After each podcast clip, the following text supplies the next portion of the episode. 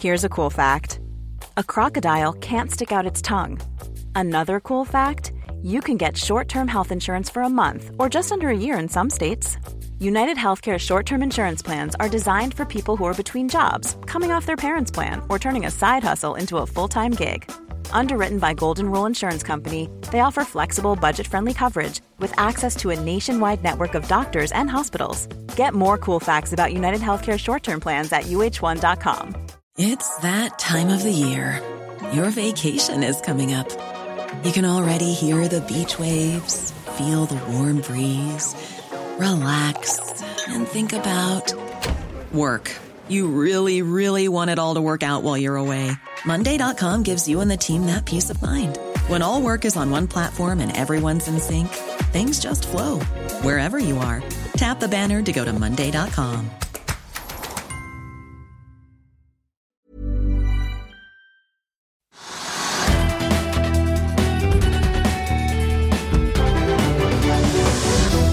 Velkommen til Økonominyhetene her hos Finansavisen. Jeg er Marius Mørk Larsen, og vi skal snart snakke både aksjer og formuesskatt. Men først. Oslo Børs startet i grønt, men så brøt lakseskattforhandlingene sammen, og lakseaksjeraset fortsatte. Det begynte med at Lerøy skuffet på resultatpresentasjonen i morges, og så gikk Høyre, Venstre og KrF fra forhandlingsbordet, og fallet har fortsatt. Klokken 13 var SalMar og Movi ned 3,6% Lerøy ned 6,9% og Grieg Seafood ned 8% Vi skal ta kikke litt nærmere på det etter hvert, men jeg kan si så såpass at 10 milliarder i børsverdier er borte så langt i dag. Også Flex LNG skuffet markedet med sine resultater, og de har fått 4% børsfall som takk for det. Equinor er ned 0,1% mens Aker BP stiger 0,7% Oljeprisene holder seg så vidt i grønt, og brentoljen er opp 0,08% til 75,29 dollar per fat. Airthings stiger 15% etter at selskapet har signert en avtale med Russell Ziegler og Pacific West Energy Solutions om å distribuere nesten 5000 enheter for luftkvalitetsovervåkning på skoler i California. Solstad Offshore har inngått en kontrakt med Prismian Powerlink om å leie ut subsea konstruksjonsskipet Norman Pacific i hele syv år. Det opplyser selskapet i en børsmelding. Dette er en stor kontrakt, men verdien på kontrakten er foreløpig ikke oppgitt. Warren Buffett har stokket om på sine investeringer i banksektoren, skriver MarketWatch. Etter stengetid på Wall Street mandag viste dokumentasjonen sendt inn til det amerikanske finanstilsynet, SEC, at Buffetts investeringsselskap Berkshire Hathaway har kjøpt seg inn i Capital One med en post på 9,9 millioner aksjer. Samtidig er de 25,1 millioner aksjene i Bank of New York Mellon ute av porteføljen. Capital One-kursen var oppe i nesten 122 dollar tidlig i februar, før den stupte til under 90 dollar i mars. Antar vi en kjøpskurs på 90 dollar, snakker vi om en investering på nærmere 900 millioner. Og I den anledning så vil jeg også minne om intervjuet vi gjorde med Robert Ness på Børsmorgen i dag, hvor han hadde gjort noen interessante funn om banken som kjøpte opp restene av Silicon Valley Bank og snart har mer enn tjent tilbake pengene sine. Vi ønsker velkommen til Marte Kopperstad. Du er ny leder for Private Banking i Nordea. Hva er det som opptar dere om dagen? Det stemmer, og takk for at jeg fikk komme hit. Eh, vi er jo opptatt av eh, hvordan eh, all denne uroen som du, du er inne på, påvirker privatøkonomien til kundene våre, og hvordan vi best mulig kan hjelpe de til å forvalte midlene sine og forstå i, i, dette og forstå hva som kommer videre. Mm. For Fjoråret var jo, var jo et godt år. Eh, og i år så har, eh, har, det skjedd mye rart. Det er bankuro, det er gjeldstaksuro, det er ja, eh, En del aksjer har ikke gått så bra som de gjorde. og Det, det, det er mye uro. Merker dere på kundene at de nå lurer på hva de skal gjøre og hvordan, hvordan det går med pengene deres? Eh, ja, altså Vi har veldig mye mer kontakt med kundene våre. Altså, de proaktivt tar kontakt med oss og, og spør om gode råd. Eh, det vi ser altså, Du har kanskje tre kategorier med kunder. Du har de som begynner å kjenne på at det er litt trangt. Eh, vi har jo hatt økte energipriser. Rentesituasjonen påvirker jo nå husholdningene. Eh, inflasjon, matvarepriser.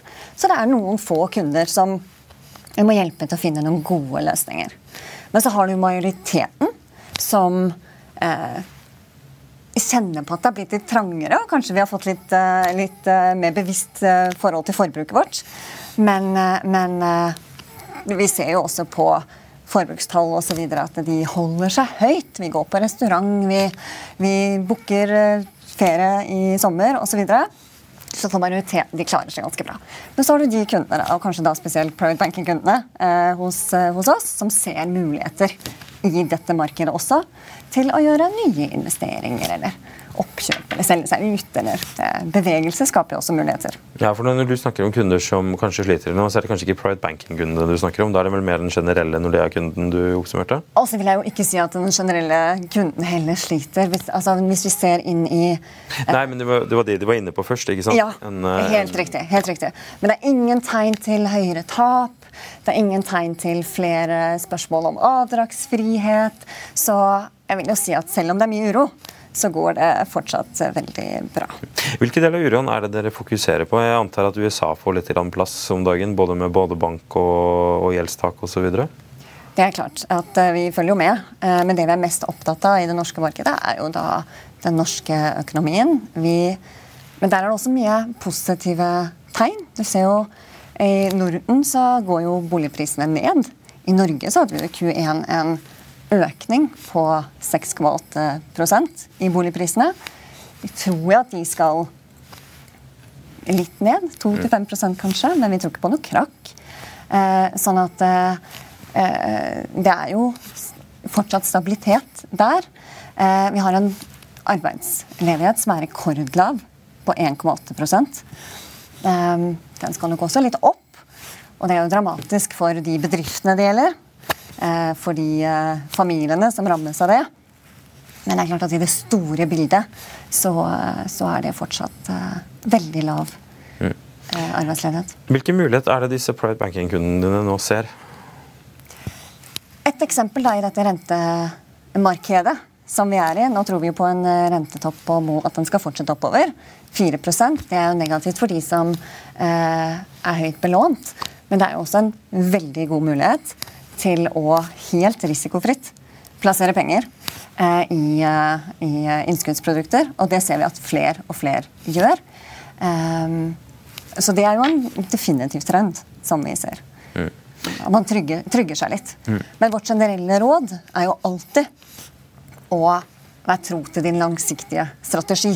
Mm. Selv om det er uro Det sier vi alltid når kundene, kundene ringer oss. Selv om det er uro, Eh, husk hva var formålet med, med, sparingen, hva var tidshorisonten din. Man må forvente noen, noen svingninger. Stå i din langsiktige investeringsstrategi. Eh, men det er en god påminnelse når det stormer litt. Hvem er en typisk private banking-kunde hos Nordea? Eh, eller hva, hva, er, hva er fellesnevneren, for å ja. stille det litt mindre kategorisk? Ja, eh, det, altså, Da kan man jo begynne å si at eh thresholdet for å bli kunde uh, i private banking-segmentet er at man har 6 millioner uh, kroner i frie investerbare midler. Utover det så vil jeg jo si at det er mange ulike kunder. Masse spennende, inspirerende historier. Det er alt fra de som har bygd opp selskaper helt fra grunnen av selv. Eh, som har lykkes med det, og de vokser og de selger seg ut. Eh, og får da midler til, til, å investere. Det kan være eiere i eh, familieeide selskaper med lang tradisjon. Eh, og det er innenfor alle mulige eh, slags eh, sektorer. Det er eiendom, sjømat, teknologi og både små og mellomstore bedriftseiere. Hva slags type produkter er det tilbyr, eh, tilbyr de som kommer med, med 6 millioner kroner i investerbare midler? Da, da er det jo eh, veldig ofte avhengig av hvilken tidshorisont de har, og hva slags risikoprofil, men det er jo mye fond, det er aksjer, det er innskuddsprodukter. Vi er veldig opptatt av å kunne være konkurransedyktig på, på hele, hele, bredden. Um, så vi har et bredt produktspekter til, mm. Eh, til alle disse kundene. Men så hjelper vi det også på lånesiden. Mm. Om det er boliglån eller eh, lån på aksjene dine, eller hva det skulle være. Mm. mm. Vi kommer jo litt senere i sendingen inn på de som eh, vurderer eller har valgt å flytte til Sveits. Dere har jo vært litt borti kunder som nå ser for seg å, å selge og pakke sammen og dra. Ja. Så vidt jeg skjønner dere merker litt økt interesse der? Ja, Vi har et konsept også som heter eh, Family Office. Det er for de kundene som, som har mer enn 100 millioner. Eh, og det er klart at det, Da kommer de inn i litt mer komplekse problemstillinger.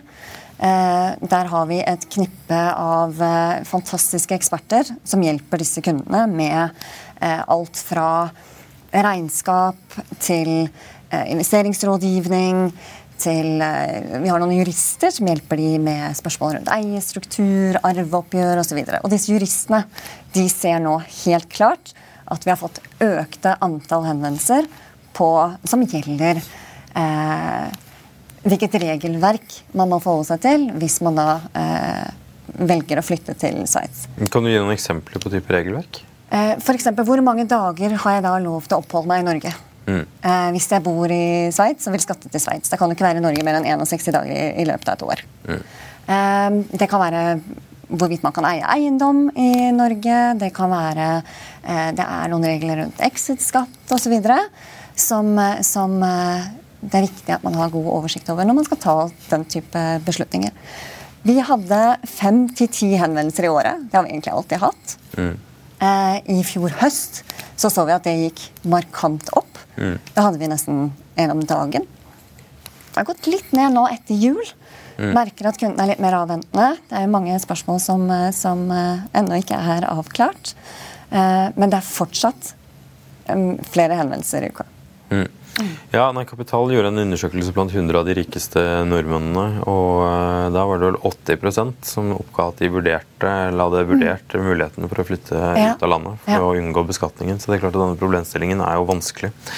Hva, ja. ja, så er det jo um, det er jo viktig også en ting er det økonomiske aspektet med det, men når du går tilbake til disse reglene om hva du kan eie i Norge, og, og, og hvor mange dager man kan være der, og sånt, det er jo en stor beslutning for en familie å ta. Mm.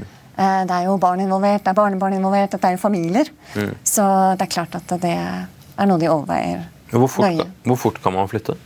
Nei, Det tør jeg ikke å svare deg på. Mm. Det hva tror dere blir, eh, blir viktig i, eh, i norsk økonomi fremover nå? Altså, hva, hva, blir de dominerende tingene som dere kommer til å få spørsmål om fra kundene deres også? Er det fortsatt rente? Er det strøm? Det er mye rente. Det er mye eh, inflasjon, eh, matvarepriser, altså den type ting. Eh, men også selvfølgelig aksjemarkedet eh, er jo eh, noe som eh, våre kunder er opptatt av. Det er vanskelig å spå. Mm. Men, men, men, det er klart at renter har fått en helt ny interesse mm. blant, blant, kunder i alle segmenter. Mm. Her finnes det nye muligheter. Veldig bra. Marte Kopperstad, tusen takk for at du kom i sendingen med oss. Dette var veldig interessant. Jeg skal bare ta en kjapp oppdatering på aksjekursene, og så eh, skal vi gå for å gå ytterligere ned i materien på formuesskatt. For det er jo et tema som har opprakt mange flere enn det man er klar over. Jeg legger til at Norwegian nå er opp 1,81 Den var opp nesten 4 tidligere i dag. Utover det så er det mye rødt i dag. XXL, eh, der har Hugo Maurstad meldt at han går av som styreleder, og Øyvind Tidemansen går ut av styret. I begynnelsen så slo det positivt ut, virka det som, med et par prosentpoeng i pluss. Men nå er aksjen altså ned 6,11% Og så er det blodrødt i sjømat. Der er eh, Lerøy nå ned 7 7 SalMar er ned 3,5 Movi har hentet seg litt, den er opp ned 2,8 og Grieg er nå ned 7 og Stort sett alle sjømataksjene har fått merke at dette er en eh, dag preget av laksebeskatningen. Vi er straks tilbake rett etter dette. It's that time of the year. Your vacation is coming up. You can already hear the beach waves feel the warm breeze, relax, and think about work. You really, really want it all to work out while you're away. Monday.com gives you and the team that peace of mind. When all work is on one platform and everyone's in sync, things just flow wherever you are. Tap the banner to go to Monday.com.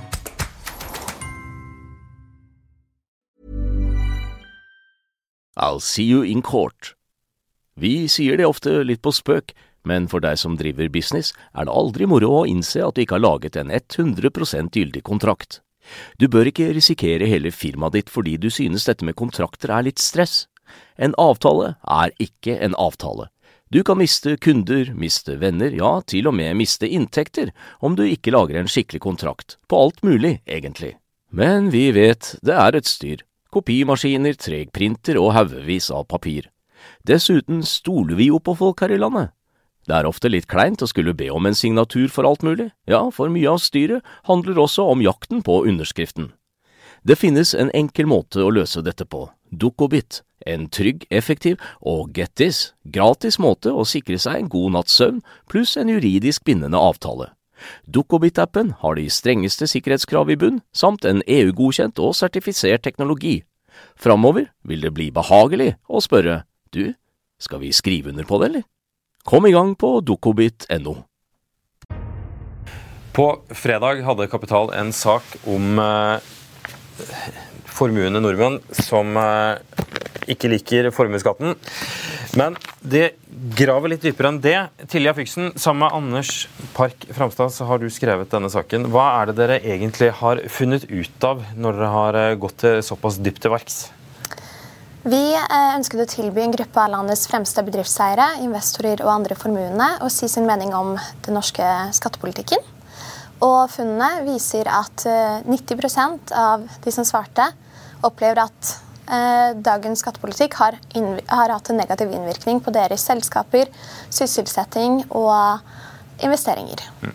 Nå er det jo mange nordmenn eh, som det siste året har valgt å selge både dyre biler og leiligheter. Eh, Godd Carlsnes fikk fire dager på å bli kvitt en luksusleilighet, og Røkke dumpet to millioner fra, eh, på, eh, Forder på en eh, bilforhandler på eh, Oslo øst. Det er tydelig at det haster med å komme seg av gårde. Det, det er formuesskatten som, som, går igjen som det mest problematiske elementet av beskatningen, skjønner du? Det stemmer. Vi spurte om hvordan de ulike skattene påvirket dem. Bl.a. eiendomsskatt, selskapsskatt, utbytteskatt og formuesskatt. Og det var formuesskatten som helt klart hadde den største negative innvirkningen på deltakerne. Mm. Men opplever du at de da ikke ønsker å betale skatt? Nei. Eh, flere sier at de ønsker å betale skatt. Men formuesskatten blir en indirekte bedriftsbeskatning istedenfor en personbeskatning. Og i realiteten må eierne da tapper bedriften for penger, istedenfor å bruke disse pengene på investeringer til å videreutvikle bedriften og skape flere arbeidsplasser rundt omkring i landet. Mm. Det var også sånn at Ganske mange av de dere spurte da, vurderer å ta denne løsningen med Sveits, så vidt jeg skjønte? Ja, det var kanskje det mest eh, oppsiktsvekkende. var at Langt flere enn de som allerede har flyttet, planlegger fortsatt å flytte i løpet av det innværende året. Og hele åtte av ti sier at det har blitt mer aktuelt å flytte nå under den nåværende regjeringen. Mm. Flere av de dere snakket med, har vel allerede flyttet mens, eh, siden da dere begynte å jobbe med saken? skjønte? Ja, det stemmer. Siden vi startet å jobbe med saken, så er det i hvert fall eh, fire til som har meldt flytting. Mm. Vi har også fått med oss eh, Torgeir Mjør Grimsrud. Du er jo en av eh, de som man finner på Kapitals 400-liste. Du er en eh, Jeg tillater meg å kalle deg en suksessfull norsk eh, entreprenør. Eh, men du reagerer også sterkt på denne beskatningen, og har jo stilt opp og vært tydelig på at, eh, at du syns den måten det nå beskattes på, er, er feil. Du har, du har du ikke noe lyst til å betale skatt? Jo da, det, det går ikke på det. Jeg har betalt skatt i alle år, så det holder. Eh, nå syns jeg det er urimelig. Det er en urimelig beskatning, og det er jo i første rekke formuesskatten som slår ut, og som gjør det veldig problematisk. Eh, de aller fleste med formue har det vel stort sett bundet opp i, i selskaper. Og jeg husker iallfall tilbake i, i min yrkesaktive karriere i Haag, hvor jeg da hadde klart å snu selskapet, og vi begynte å tjene penger. Og plutselig så fikk jeg en eh, formuesskatt som var høyere enn min daværende bruttoinntekt. Og det eh, var problematisk av flere årsaker. Dels så kunne jeg ikke bare bevilge meg selv mer penger, selv om jeg var eh, hovedaksjonær og styreleder. Problemet var jo også at da jeg var arbeidende styreformann. Problemet var jo også at da måtte jeg ta med meg resten av administrasjonen også på et høyere lønnsnivå. Og jeg hadde heller ingen muligheter til å selge ut noen aksjer for å betale formuesskatten, fordi jeg var insider. Og dessuten hadde det en veldig negativ effekt hvis jeg begynte å selge aksjer. Så det var én vei igjen, og det var å tape et lån for å betale formuesskatt. Eh, og det gjentok seg året etter òg. Og litt, vi tjente penger, men langt ifra nok til å kunne betale utbytte. Mm. Og så er det jo slik at Formuer er ulikt sammensatt, og det syns jeg er eh, gjør det da også veldig urimelig for veldig mange. fordi det er ikke alle formuer som til enhver tid gir avkastning eller utbytte. Og, og da har man et problem når man skal betale formuesskatt. I 2006 så var jo utbytte eh, skattefritt. I 2011, da var det Per Christian eh, eh som var eh, finansminister. Og eh, man innførte vel, så vidt jeg kan huske, ca. 11% utbytteskatt.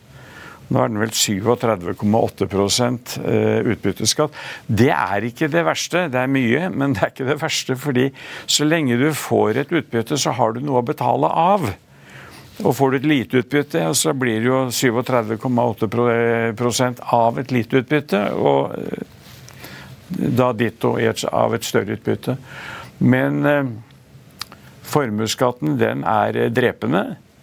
Og eh, vi eh, i vår, vår, familievirksomhet i dag, så må vi jo ta ut ganske mye penger for å betale formuesskatt. Og Fortsatt har vi midler, men eh, man kan jo spørre seg hvor mange år dette kan fortsette. Ja, fordi Jeg snakket litt med Tilja før vi gikk på, uh, på luften her. og uh, Litt sånn enkelt forklart så er det, det er ikke noe problem egentlig at du får en formuesskatt i år. Men på et eller annet tidspunkt, så, i fall, sånn som jeg skjønner, så, det, så oppleves det som at man, man, man, bruker mer enn man har. Men man har ikke noen måte å altså, hvis, hvis, du har et høyt forbruk, du kan slutte å kjøpe en bil, eller du kan slutte ja. å dra på ferie, du kan slutte slutte å, å, gå ut og spise, men du kan ikke slutte å betale formuesskatt for å stramme inn på forbruket. Den er eh, given uansett. Ja. Og, og selv om formuen da ikke gir noe avkastning, den er bundet opp i selskap, og så, så har du et kjempeproblem. og da er det to, Hvis du kan selge noe av aksjene, men det, når det er et familieeid selskap, så er ikke det så veldig attraktivt for andre å kjøpe noen aksjer. Og de vil iallfall ikke betale noe særlig for de aksjene i et familiekontrollert selskap. Men da er jo selvfølgelig muligheten eh, det vi nå gjør. Vi bruker selvfølgelig de likvidene vi har de nærmeste årene. Men så må vi begynne å, å, å, å eh, se på Da må vi begynne å selge inventar og løsøre. Og det er jo ganske tragisk, da. fordi det, det skulle jo en gang, lønne, en gang skulle det lønne seg å arbeide. Det skulle lønne seg å, å, å investere. Eh, det gjør det jo ikke lenger. Det lønner seg jo ikke å investere lenger. Og man tapper jo alle de selskapene eh, for, for midler. Fordi eierne har ikke penger til å betale formuesskatt. Løser man det teoretisk sett ved å flytte til Sveits? Da får man kanskje like, like konkurransevilkår som, som, andre utlendinger som investerer i Norge, f.eks.? Ja, altså Hadde jeg vært 30 år yngre, så hadde jeg vel helt sikkert pakket og reist for lenge, siden. Men altså, nå er det jo slik at uh, man er norsk statsborger, født og oppvokst i Norge. Man er glad i naturen. Og man er glad i de fire årstidene, og man har venner og et sosialt nettverk i Norge. Og jeg syns det er rått at man da egentlig ikke har den opsjonen sånn som de litt yngre har. da. Men eh, vi får nå bare bruke opp de pengene vi har på bo her, og så får vi slukke og lukke eh, etterpå. Det er jo ikke noe annet å gjøre ved det. Ja, Det høres jo dramatisk ut, men dette betyr jo, altså hvis man ser altså du, du, har et, et, langt yrkesliv bak deg, og du har midler til å leve godt eh, resten av ditt liv. Men, men for den fremtidige verdiskapningen høres det ut som dette er mer problematisk? Ja, det er jo det. Altså, vi har jo fått en rekke gode, eller ganske spesielle skatter i Norge. Da. Eh, eiendomsskatt er jo kommet inn i fullt monn, og det, er, det, gis jo ikke noe særlig rabatt på den heller. Og eh, som sagt, eh, det er jo sikkert ikke, det blir iallfall ikke noe hemmelighet. Vi tok ut 35 millioner kroner, det gjelder meg og mine to døtre da gikk 25 millioner gikk inn i utbytteskatt og formuesskatt. Da hadde vi en 10 millioner til fordeling. Det som er litt sånn på, på, en måte 10 millioner er jo fortsatt mye mer penger enn en eh, mange andre eh, sitter på. Men samtidig så vi har inflasjon, høyere renter, eh, mange må stramme inn. Eh, hvorfor er dette ikke bare rike mennesker som syter om å betale skatt? Altså, hva, hva slags skattesystem er det dere ønsker dere? Nei, Vi ønsker vel et, et, et rimelig Eh, skattesystem. Vi er jo selvfølgelig ikke allergiske mot å betale skatt. Vi lever jo på mange måter i et velferdssamfunn.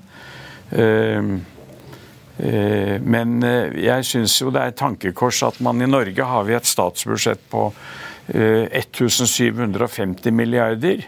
Vi er 5,5 millioner mennesker. I Sverige, hvor de er dobbelt så mange mennesker, så er nasjonalbudsjettet på 1200 milliarder. Går du til Finland, hvor de er 100 000 flere enn oss, de er 5,6 millioner mennesker, så er eh, nasjonalbudsjettet 550 milliarder. Hvis du ser på den yrkesaktive eh, befolkningen i Norge, så er det vel ca. 30 som jobber innenfor det offentlige. Vi har eh, 355 kommuner og 15 fylker, og det er administrasjon så det holder alle steder. Og allikevel så vil jo helst eh, Vedum han vil jo helst ha flere kommuner og, og, og splitte opp enkelte kommuner. Mm. Der vi er overadministrert, og istedenfor å skatte i hjel folk, så burde de heller se litt på hvordan de kunne trimme eh, de offentlige utgiftene. Mm. Så vil jeg jo si en ting til, og det er at Vi har altså ifølge avisen 14 500 milliarder i oljefondet. Og hvis det er noen prekære behov altså sånn, Jeg tenker på infrastruktur. Det er jo veier rundt omkring i Norge de nesten ikke kan kjøre på. Eh, hvorfor ikke bruke noe penger der? Sykehusene burde få det siste av det beste eh, utstyret som finnes. Og da når man kjøper det for at det ikke skal være inflasjonsdrivende, så bestiller man det selvfølgelig under forutsetning av at man også får en pakkeløsning hvor man driver opplæring av, av personell i Norge. Så det, det, jeg hører du si er at Dere ønsker ikke nødvendigvis mindre skatt, men dere ønsker smartere beskatning? da, med andre ord. Ja, men som ikke slår ut så urimelig som det den gjør i dag. Formuesskatten det er jo det, det er omtrent det styggeste du kan si i Norge. Det er to Det er rik og formuende. Det er jo det verste du kan si. Og jeg leste med stor glede da tidligere eh, finansminister i Sverige, Anders Borg, hva han mente om det. Han fjernet jo formuesskatten i Sverige. Men når man hører på enkelte i statsråder i Norge i dag, så mener de at vi har et veldig gunstig skattesystem osv. Og, så og at vi føyer oss inn i, i, i rekken av enkelte andre land som har formuesskatt. Det er ikke mange som har formuesskatt. Nå var det vel også en kommentator på kommentatorplass i Sverige som kalte Norge igjen for den siste sovjetstat. Så, det er korrekt. Vi får se. Dette, denne debatten er definitivt ikke slutt, men vi må dessverre gi oss nå. Eh, Norwegian har gått som en kule i dag. Den er opp Eh, ja, nå er den ned på opp 2 den er opp 4 på det meste, men det siste døgnet så er den opp ca. 15-16% Vi skal straks høre eh, Trygve Hegnars eh, tanker om hvorfor den aksjen går som den går, og hva Geir Karlsen gjør riktig. Men først, Torgeir Mjøgensu, tusen takk for at du kom til oss. Tilja Fiksen, tusen takk. Dere kommer med en oppfølger neste uke. Det blir veldig spennende å se. Og så får vi høre nå hva Trygve har å si. Norwegian la fram svake tall fredag. Konsernsjef Geir Karlsen han var skuffa over analytikernes regning. Ta fram kalkulatoren på nytt, var beskjeden fra, fra konsernsjefen. Hva tenker du om hausingen av egen aksje, Trygve? Ja, det er litt sånn usikkert hva jeg mener, faktisk. fordi at uh, det, er, det, er, ikke god tone at sjefene liksom, uh, sier veldig pent at man skal kjøpe aksjer i selskapet. De skal være litt avventende og la markedet selv avgjøre det. Det er det normale. Men jeg syns også det er litt sjarmerende at han tør han var så skuffet over eh, analytikerne som ikke skjønte hvor godt det var, var, var godt. Så kan man si det at eh, de startet det året der første kvartal med å tape 1 milliard kroner. Det er jo ganske mye, ganske mye penger. Ja, og Men han mener da liksom gi et lite ørefik til analytikerne for at de ikke har regnet ut at det kommer til mye penger fremover. Og så har vi sett at aksjekursen gikk jo den samme dagen som uh, tallene kom. Så gikk det i går, så gikk det i dag. Er, akkurat når vi snakker sammen nå, så er kursen nå 4 i dag. Så den går og går, og de fleste analytikerne har lagt inn prognoser nå som de regner med en kursoppgang til 18-20 kroner, og kursen i dag er 12. Så det er en veldig fin oppgang. Og det har da konsernsjefen selv sørget for. Og det er på en måte da litt sjarmerende og ganske godt gjort. Hva er det som ligger bak den oppgangen vi ser nå, da?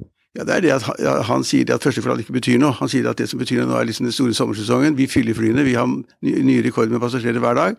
Og det viktigste er det at han sier at uh, vi har høye priser. Vi kommer ikke til å være med på noen sånn priskonkurranse eller lavpristilbud. Vi kommer til å holde prisene høye. Det må alle merke seg, de som skal bestille billetter. Og de høye prisene da med godt belegg vil da gi gode resultater, sier han. Antyder han. Hvilke kort er det Carlsen sitter på på hånda, når han tør å gå såpass hardt ut? Nei, han ser bookingen. Den har han inne, og kundene betaler på forskudd. Uh, og så vet vi også det at han har sagt at vi kommer til å bruke 81 fly. Det er veldig mye, det er en kjempeøkning fra liksom nesten konkurs ikke sant, og refinansiering. Så han sitter på gode kort, for at han klarer kanskje å holde prisen oppe, fordi at SAS ikke er så veldig sterk konkurrent. Uh, og så er belegget åpenbart høyere, gilden er større. Og så er da folk i Norge fremdeles helt gærne til å reise på ferie i utlandet, selv om da kronekursen ikke er i vår favør. Så han har ganske, ganske, mange gode kort, og jeg tipper at den aksjekursen den går da opp mot de 16-17-18-20 kronene som da analytikerne nå tror.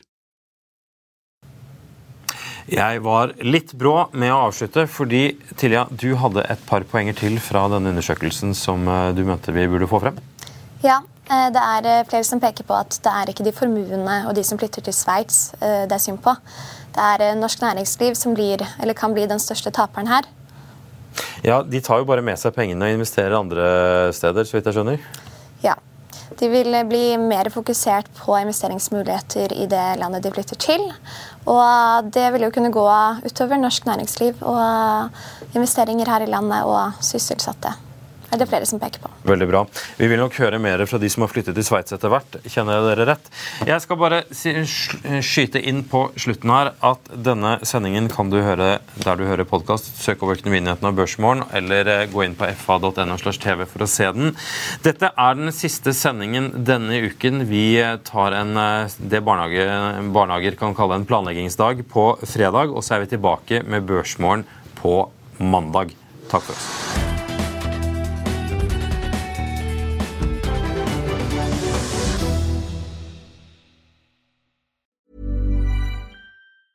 Planning for your next trip? Elevate your travel style with Quince. Quince has all the jet setting essentials you'll want for your next getaway, like European linen, premium luggage options, buttery soft Italian leather bags, and so much more. And is all priced at 50 to 80% less than similar brands. Plus, Quince only works with factories that use safe and ethical manufacturing practices. Pack your bags with high-quality essentials you'll be wearing for vacations to come with Quince. Go to quince.com slash pack for free shipping and 365-day returns. Økonominyhetene er en podkast fra Finansavisen. Programledere er Marius Lorentzen, Stein Ove Haugen og Benedikte Storm Bamvik. Produsenter er Lars Brenden Skram og Bashar Johar. Og ansvarlig redaktør er Trygve Hegnar.